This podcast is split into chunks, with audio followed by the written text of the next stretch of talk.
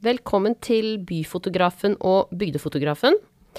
Med oss i studio i dag så har vi Paulina Sid, 37 år, fra Bergen. Du kom til Norge som flyktning da du var to år. Barn av chilenske politiske flyktninger på 80-tallet. Du er utdannet kunstfotograf med både bachelor og master fra England. Uh, og i siste, de siste årene så har du sittet bl.a. i konseptgruppen for det kommende fotografihuset i Oslo, og i 2022 var du årets festivalutstiller på Prøys fotomuseum i Horten med utstillingen Marie og uh, Bolett pluss Paulina. I år er du også da nominert av Munch-museet, Fotogalleriet og Prøys museum til det som kalles Future Photography, som et av Norges bidrag og Future Photography det er en plattform som fremhever og bringer sammen europeiske fotografer. Velkommen, Paulina. Takk. Du, eh, ditt liv eh, har vært preget av kulturkrasj og kulturetterforskning, skrev du til meg i forkant av denne eh, podkastinnspillingen. Eh, fortell hva du mener med det. Eh, jeg har jo da alltid, eh, som sagt, opplevd kulturkrasj og eh, hatt med dette med kulturetterforskning å gjøre, siden eh, jeg kommer fra en halv kultur. Eh, og her eh, Det har vært vanskelig noen ganger å vite hvem jeg er, eh, og hvem jeg er i forhold til hvem du er, og hvordan jeg skal forholde meg til forskjellige ting, i og med at på en måte hjemme så hadde vi én kultur, og så gikk jeg ut døren, og så fantes det en annen kultur. Eh, dette har gjort at jeg har vært veldig nysgjerrig på eh, hvordan vi oppfører oss litt sånn rundt hverandre, og i tillegg til hvordan vi oppfatter hverandre. Eh, oppfatter jeg deg på samme måte som du oppfatter meg, i og med at vi er fra forskjellige plasser? Um, og dette har òg gitt meg hundrevis av identitetskriser opp gjennom årene. Um, I tillegg til det så fant jeg ut ganske tidlig at jeg var skeiv, så da var det liksom en uh, Ikke bare var jeg da en, uh, en polit politisk uh, flyktning som var kvinne, men jeg var også skeiv. og det som krasjet litt med verdiene på en måte som min chilenske familie hadde i utgangspunktet. Um, da de kom fra en litt mer sånn katolsk bakgrunn. Konservativ ikke det at de er så veldig katolske av seg, men de har jo vokst opp i det, som gjør at de eh, har det med seg. Um, og eh, ja, det å være skeiv var kanskje ikke så veldig enkelt for meg. Um, det skapte masse krasj i familien vår. Det tok ganske mange år før det var ok. Uh, men det gjorde at jeg måtte liksom dypdykke i hva det var med det å være skeiv som var feil, da, fordi jeg gikk ut på gaten her i Norge, og da var det Alle syntes at det var greit, og så kom jeg hjem inn i huset som skulle være mitt trygge hus, og der var det på en måte ikke greit. Uh, så jeg skjønte liksom aldri det, hvorfor det kunne være sånn. Hvor gammel var du da du fant ut at du var skeiv? Uh, altså, jeg føler mer sånn fant ut av det, så var det mer sånn nå oppdaget jeg det. Mm, mm. For jeg føler at på, en, på, et vis så har jeg sikkert alltid vært skeiv. Så jeg kan huske når jeg var liten at jeg syntes at jenter var mye mer spennende. Men når jeg ble klar over det, da var jeg kanskje sånn ti. Ja. Når jeg skjønte sånn Oi, jeg syns det er mye hyggeligere å se på know, ja, kjæreste istedenfor uh, Ole, liksom. Mm.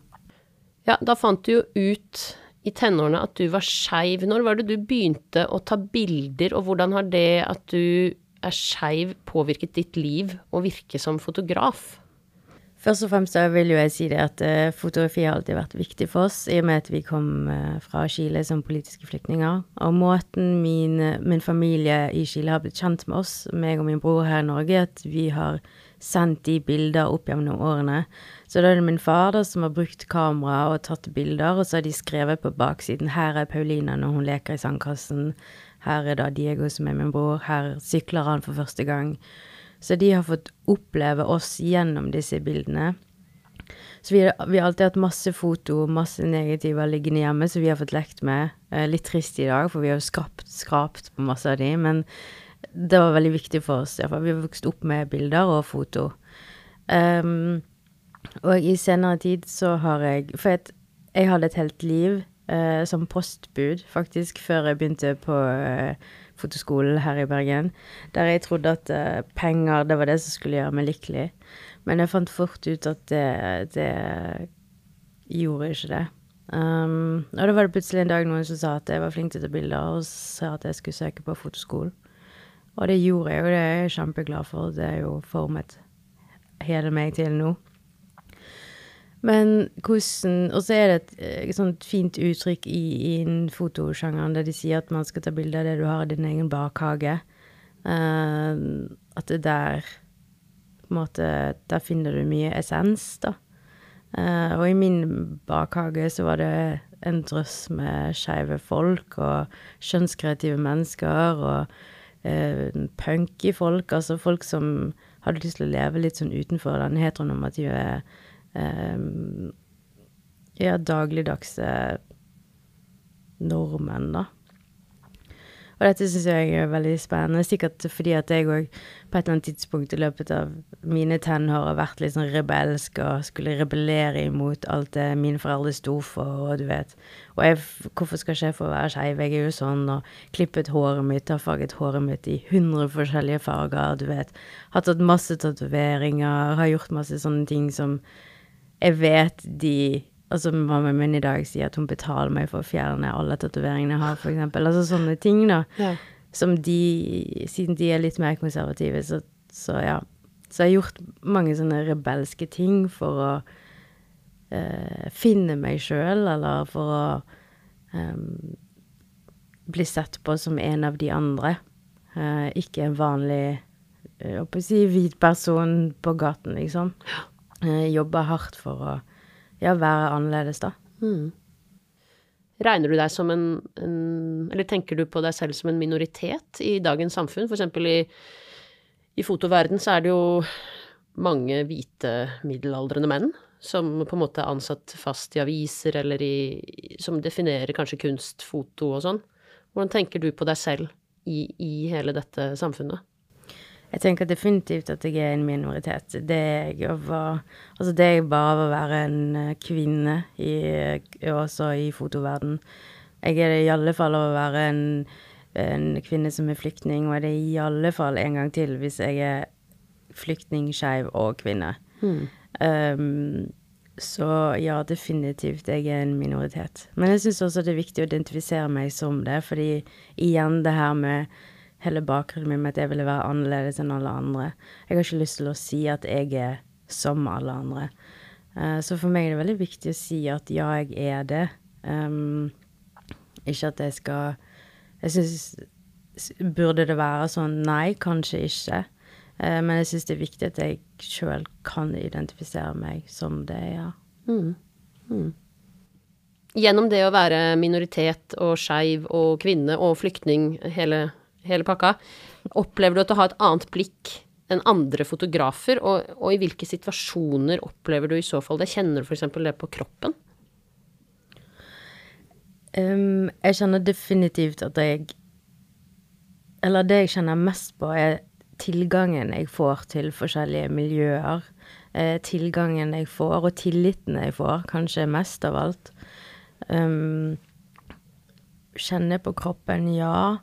Um, jeg syns um, Jeg har hatt uh, forskjellige I begynnelsen av korona så var det jo litt sånn som med alle andre, at det var vanskelig å vite hva man skulle finne på. Uh, alt var stengt og så videre. Jeg tror for skeive folk så var det veldig vanskelig.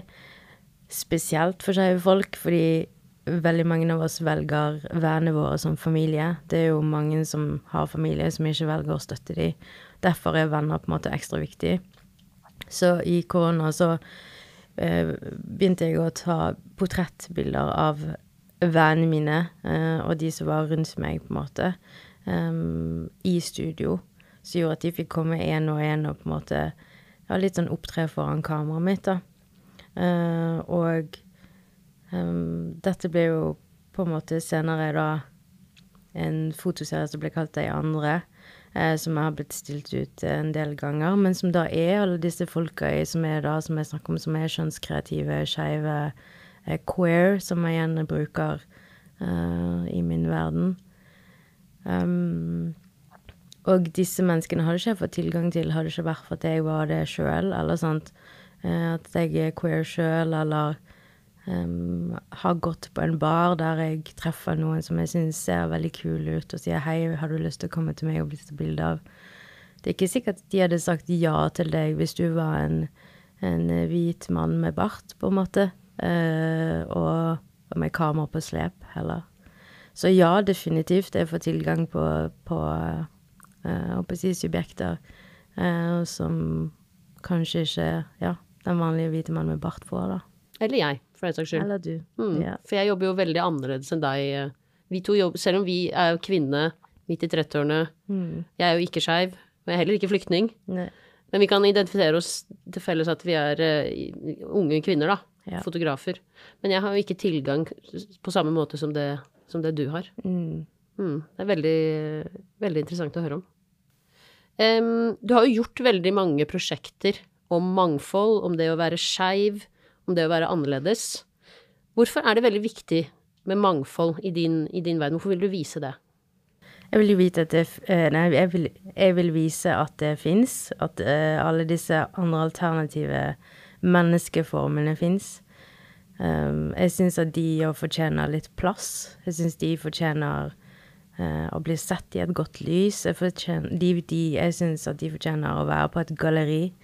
Jeg syns at de fortjener å bli snakket om um, mer enn bare at de er en minoritet, på en måte.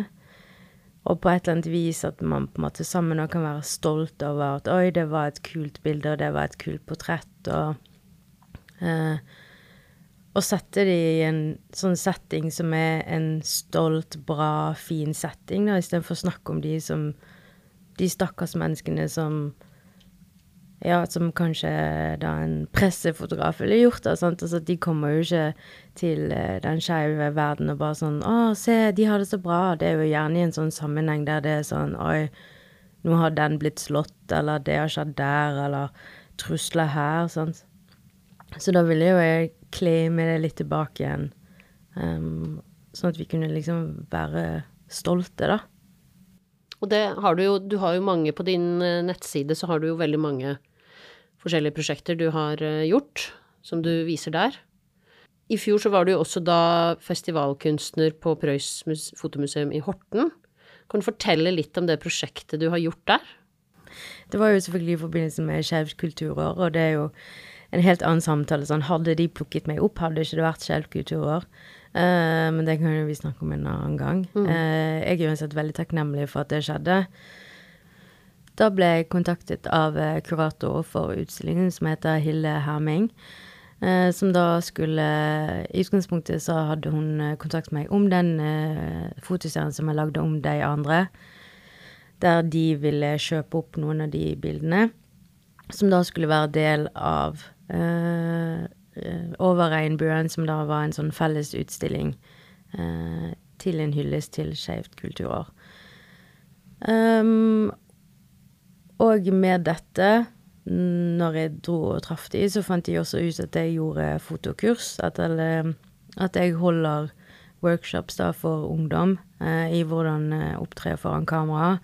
Eller iscenesatt fotografi, eller performing for the camera, som jeg liker å kalle det. Og så sa de at um, hva hvis jeg kom og så hadde en residency hos de i Horten, og så kunne da Um, lære kidsa på Horten videregående skole. Holde liksom kurs for de, da. Um, og da dro jeg på, som sagt, på residency i Horten. Holdt kurs for de, og samtidig som jeg gjorde det, så spurte de om jeg ikke hadde lyst til å være årets festivalutstiller. Eh, det lønner seg å være hyggelig i tillegg, og jeg samarbeidet godt med de, for det var veldig hyggelig å være der. Ja, um, Spennende. Ja. ja. Og så um, Sånn Jeg gjør ganske mye narr av de, fordi eh, Helt i begynnelsen så spurte de på Preus, de var veldig sånn kan, uh, Vi vil at du skal jobbe med disse arkivbildene, da, som uh, er en av Norges største fotoskatter, vil jeg si, som da er Marie og Bolette Berg. Eh, Marie Høeg og Bolettberg, som var to kvinnesaksaktivister på slutten av eh, 1800-tallet. Nei, vent. Jo, altså starten Ja, de, de opererte i 18, helt på slutten av 1800-tallet og starten av 1900-tallet, ja. Ja. Mm. Vet aldri hva det er, om det er sånn 1900-1800. Ja, men det er riktig. 1800-tallet. Uansett. Eh, viktige damer i norsk historie, rett og slett. Og så har det vært mye spekulasjoner på om de var sammen. Mange sier at de var sammen, andre sier at de ikke var det. Det fins en ekspert på Pace Museum som heter eh, Hanne Holm Johnsen. Og hun har jo da gjort research på disse damene og snakket med eh, på en måte familien til de og sånn. Og fått da bekrefta at jo da, at de var sammen, og de holdt sammen og bodde sammen i over 50 år, og så videre. Um, men det kunne de selvfølgelig ikke vise, da, uh, når de uh, levde. Så det som var med de, var jo da at eh, Leif Preus fikk en boks eh, som det sto privat på, levert eh, på Preus det som blir senere Preus museum. Levert eh, ja, en boks med privat på, med glassnegativer som de hadde lagd. Og i de bildene så besto det da av at de var i studio, og så kler de seg i manneklær, eller de kler seg eh, Kanskje de tør å liksom kle litt av seg. Så de gjør liksom ting som for den tiden de lever i, er ganske bold. Altså ganske modig. Så det var en grunn til at det var en boks det sto privat på. Um, så det er jo disse bildene som senere blir kjent, da. De, jo, de tok jo også ganske mange sånn landskapsbilder og bybilder, portretter og avfotografering av kunst osv., men det er de liksom ikke blitt kjent for.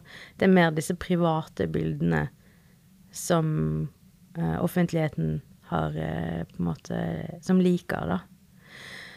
Og da spurte de om ikke jeg hadde lyst til å gjøre noe med de bildene eh, fra det arkivet. Og i utgangspunktet så sa de sånn Har du lyst til å slenge på et filter? Og det syns jeg var helt sånn Her, hva mener du bare slenge på et filter? Når jeg syns at dette var ganske ikoniske bilder i seg sjøl, da. Og i alt dette så fins det òg en sånn OK, hvor mye skeiv fotohistorie fins det egentlig? Hvor mye sånn skeiv fotohistorie har jeg vokst opp med? Ganske lite. Referansene jeg har, må jeg gjerne ut i verden og se opp, opp etter, eller ut etter. Og de som fantes her i Norge, var iallfall en som jeg husker veldig godt, som er Lilland Kjepstov Løsti, som har vært en sånn lesbisk fotograf som jeg har visst var lesbisk, og brukte liksom eh, skeive eh, folk i bildene sine, og var skeiv sjøl. Eh, så hun har liksom kjent til hele veien. Og det som er litt gøy, er at i dag som voksen så er jeg venn med hun. Sånn, så det er jo veldig gøy at jeg har sett opp til hun når jeg har gått på fotskole. I dag, altså for en måned siden, tok jeg bryllupsbildene hennes, på en måte. Så sånne ting er jo veldig gøy. Eh, men iallfall Det som skjedde når jeg var på pris, var at jeg tenkte på det her med mangel av skeiv historie. At vi Jeg vet jo at den fins, eh, men hvorfor Hvorfor vises den ikke mer? Hvorfor snakkes det ikke om mer? For det er jo um, Den blir veldig suppressa. Så da ville jeg gjøre noe som på en måte fikk de opp og frem i lyset igjen. Som handlet mer enn å bare sette et filter på de. Jeg ville at meg og de skulle møtes. Jeg ville skape et nytt rom. Jeg hadde lyst til å på en måte, ja Dette med å skape et nytt rom var veldig viktig for meg. Og så er det òg noe med den fotografiske rammen som jeg syns er veldig streng. Den er veldig firkanta, den er veldig sånn rigid. Det er det som er fotografi, er den firkanten. Uh, og det er også en veldig sånn heteronormativ tilnærming til fotografiet og den firkanten som jeg òg hadde lyst til å bryte ut ifra.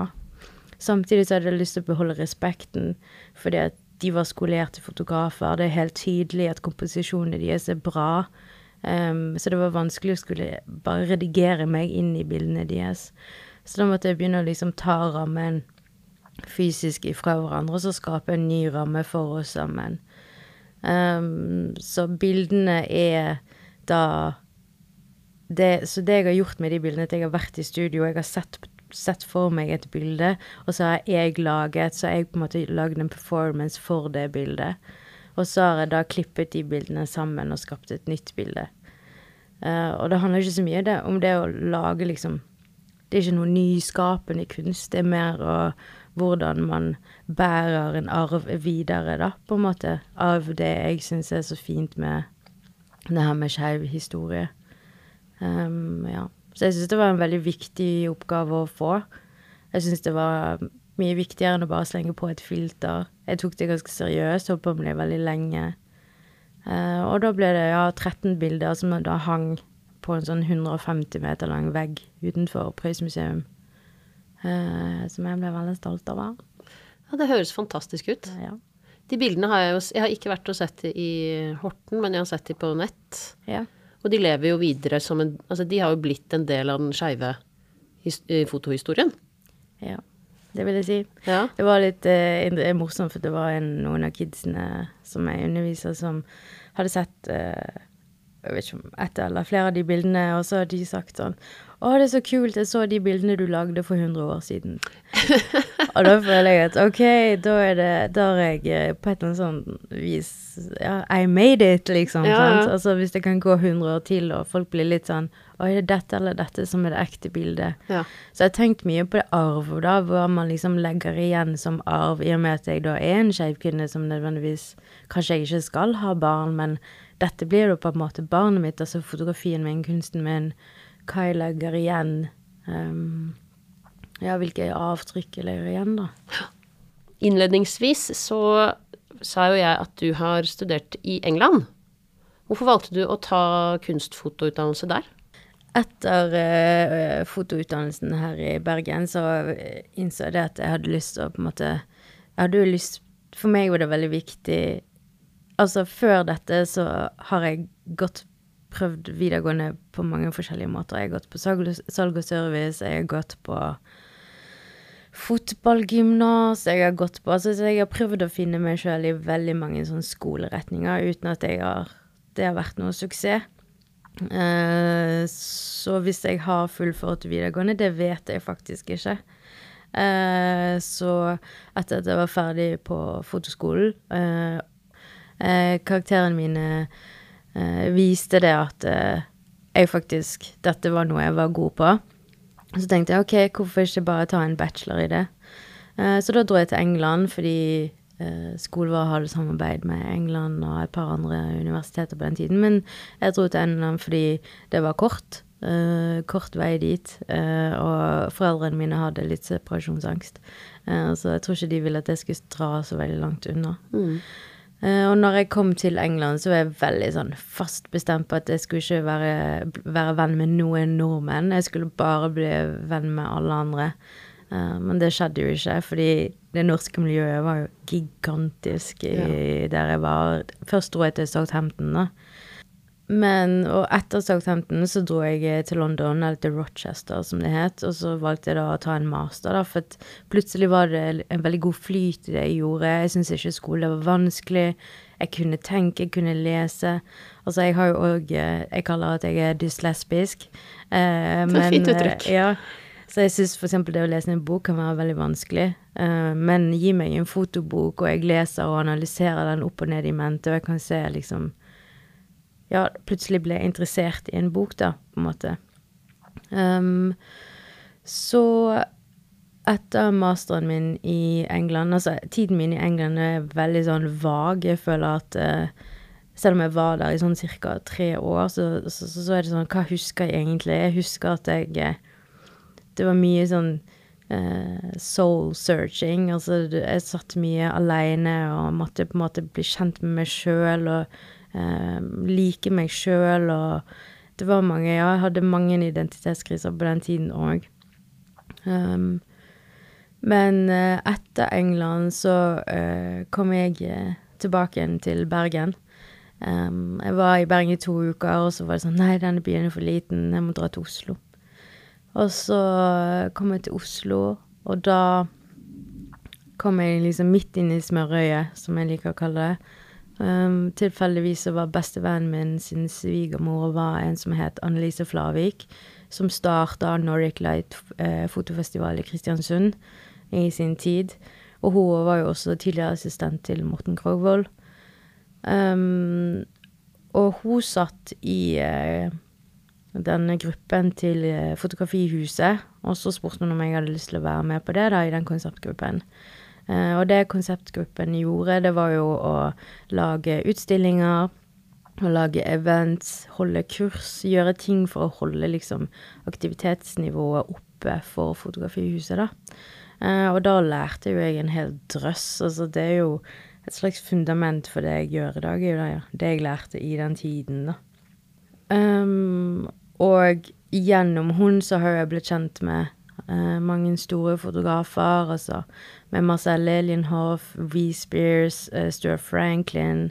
Altså jeg har truffet mange som uh, jeg så på som helter i min tid, da. Mm. Dette er jo fotografer som er kjent i fotokunstverden og i, og i fotokonseptet, altså det med konseptuelt fotografi, ikke sant? Ja.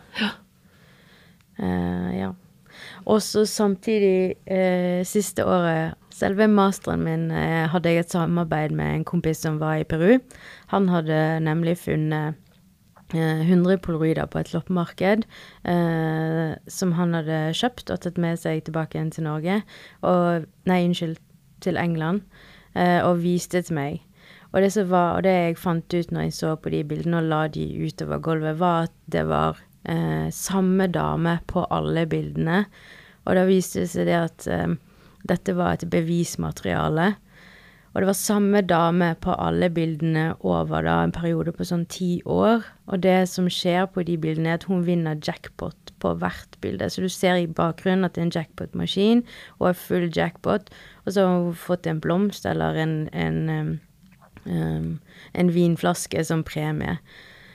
Og etter mer investigation så viser det seg det at, liksom, at hun var datteren til de som eide hotellet og kasinoet. Og så etter litt mer investigation så viser det seg det at det de holdt på med, var basically hvitvasking av penger. Jøss, yes, så du fant alt, ut alt det her fra disse polaroidene? Ja, det var helt sykt. Det var sånn på ett av polaroidene så, så Altså, det begynte med at jeg researcha liksom sloth-maskinene, til hvilket merke, til Eh, logoen på hotellet, til eh, Det sto ett navn på baksiden av et av de. Altså, det, altså jeg var skikkelig FBI-etterforsker. Eh, jeg var veldig god til å etterforske, jeg må bare si det. Og jeg syns at det er veldig gøy. Um, men det, jeg fant til og med hun damen på Facebook, liksom. Og det jeg fant ut, var jo at uh, det var allerede en journalist som hadde skrevet om den familien og hvitvaskingen av de pengene, og han hadde da blitt saksøkt av familien. Uh, så istedenfor å oute den familien som en sånn disse hvitvasket, uh, så uh, lagde vi en fotoserie Altså den fotoserien handlet heller om spillegalskap, da. Om noen, om en dame som spiller og har ludomani, som det kalles på spansk. Fordi vi ikke tørde å si at denne familien hvitvasket penger. Og disse polaroidene førte jo da til at jeg syntes at på en måte polaroid ble veldig interessant, fordi at det var det er noe Vi snakker jo veldig mye om at fotografi er sant, men på en måte så er jo ikke det. Men polaroiden er jo iallfall sant. Altså, sant, i det øyeblikket Du har bare den ene sjansen, boff, ferdig. Og så kan det bildet bli fremkalt, og det kan ikke. Altså, det er så mange faktorer for det bildet, på en måte. Um, og det gjorde at jeg ble veldig interessert i det, polaroiden som medium, da. Og her, mens jeg er i Oslo Um, så får jeg lyst til å gjøre en serie, eller jeg har lyst til å jobbe med polaroiden som medium, og da uh, finner jeg ut at uh, jeg skal male en rosa elefant, som er en sånn barneleke uh, som barn sitter på. Den var egentlig blå, jeg malte den rosa. Og så tok jeg den med meg på byen, og så fikk jeg da eh, skeive folk til å posere med den elefanten, for liksom Og da ble den serien hetende Let's Talk About the Pink Elephant in the Room. Som da er en sånn kommentar til at jeg har følt meg som den rosa elefanten i rommet, i rommet eh, hele mitt liv, da, eller sant. Hvis jeg er fordi at jeg kanskje vil kle meg litt annerledes, fordi at jeg har lyst til å klippe meg annerledes, fordi at jeg, energien min litt annerledes. Um, og det ble da over 200 polaroider som ble stilt ut uh, i Oslo, og året etterpå ble det stilt her i Bergen. Som da er basically bare folk som holder i en rosa elefant. Um, som er en veldig sånn bokstavelig tolkning av det, da. Du har jo også et prosjekt som du har kalt 'Looking at a Queer Woman Undressing', hvor du har invitert eh, folk i studio til å se deg kle deg av deg. Stemmer det? Ja. Fortell. Uh, ja, så da heter det 'Undress Looking at a Queer yeah. Woman uh, Undressing'. Ja. Um, som da er en ehm, en kommentar eller en tolkning av en som heter Jemima Staley, som opprinnelig hadde en fotoserie som het Strip, der hun eh, kler av seg i fotostudio foran menn. Eh, og hun har en helt sånn tydelig Altså, hun ser ut Har litt sånn stripperkropp, skjønner du? Det, hun er sånn sykt fin, det man eh, vil kalle for en babe, da. Eller sånn noen kaller det for en babe. Og disse mennene ser på hun, eh, og de ser på henne med helt sånn lengtende blikk. Og så ble jeg veldig interessert i liksom sånn OK, hva hvis jeg gjør det, bare en, en vri på det, og så inviterer jeg kvinner, eller eh, mennesker som identifiserer seg som kvinner, inn i studio, og ser på at jeg klarer meg. Hva, hva kan jeg finne da? eh, I deres blikk. Hvordan ser man når man får lov til å se? Um, så da inviterte jeg eh, over 25 kvinner. Ti av de sa nei, hvilket jeg syns var veldig interessant. Ja, og det som er viktig detalj, er at de sitter med fjernkontroll, så de bestemmer hvilke bilder som blir tatt.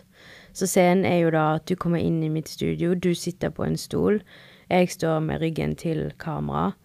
Eh, jeg kler av meg, og du sitter på den stolen med fjernkontroll, og så er det en seanse på ja, kanskje fem til ti minutter, og så velger du når de bildene ble tatt. Så det er også litt sånn interessant sånn For veldig mange blir jo da klar over etter hvert at det er faktisk et portrettbilde av meg som ser på noen kler av seg. Um, så det jeg tror, jeg vet ikke om det var så mange som var klar over at det var det som skulle skje. Jeg tror det var veldig mange som trodde at de bare skulle komme og se på noen klare av seg. Men så innser jo de veldig fort da at eh, kameraet er jo vendt mot begge to, men det er deres ansikt vi ser. Ehm, og det Og da er det også veldig interessant, eh, ja, sånn som jeg sa, hvordan ser vi når vi får lov til å se? Hva vil du se på? Uh, og det jeg opplevde, var at de, veldig mange hadde lyst til å på en måte se meg inn i øynene hele tiden, uh, mens jeg prøvde bevisst da å se vekk, sant, sånn at de på en måte For det, det jeg ville, var jo at de skulle se på kroppen min. Uh, ville, ville vite hvordan de liksom Hvilken del av kroppen min vil du se på? Og sånn Um, Ja, og hvilke bilder vil du ta? Så var det veldig morsomt, for det var veldig mange som tok bilde idet jeg bøyer meg ned for å ta av meg skoene. Og det er typisk da det bare er min rumpe rett i kamera, og de står og ser på. Liksom sånn Det var et bilde veldig mange hadde lyst til å ta, som jeg syntes var veldig interessant i seg sjøl. Um, ja. Da inviterte jeg faktisk en tidligere uh, læreren vår, Malin Barth. Ja. Hun jo Hun driver jo Drev i hvert fall tidligere et galleri i Bergen. Ja.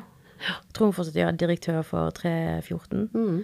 Uh, hun var jo, ja, som sagt, læreren min på fotoskolen, så det var veldig interessant å se hun igjen. Og hun syntes jo det var veldig gøy, og uh, husket meg fra skolen og det prosjektet jeg hadde der, da. Eh, men ja, jeg syns at eh, Og det prosjektet med å kle av meg foran kvinner i studio, det resulterte jo også i at jeg gjorde undress for Marie. Eh, for et av de bildene er jo der jeg på en måte kler av meg for Marie Høeg. Og det har vært veldig mange som har spurt sånn 'Å, hvorfor gjør du det?' Og så er det sånn Ja, fordi at det har jeg gjort tidligere.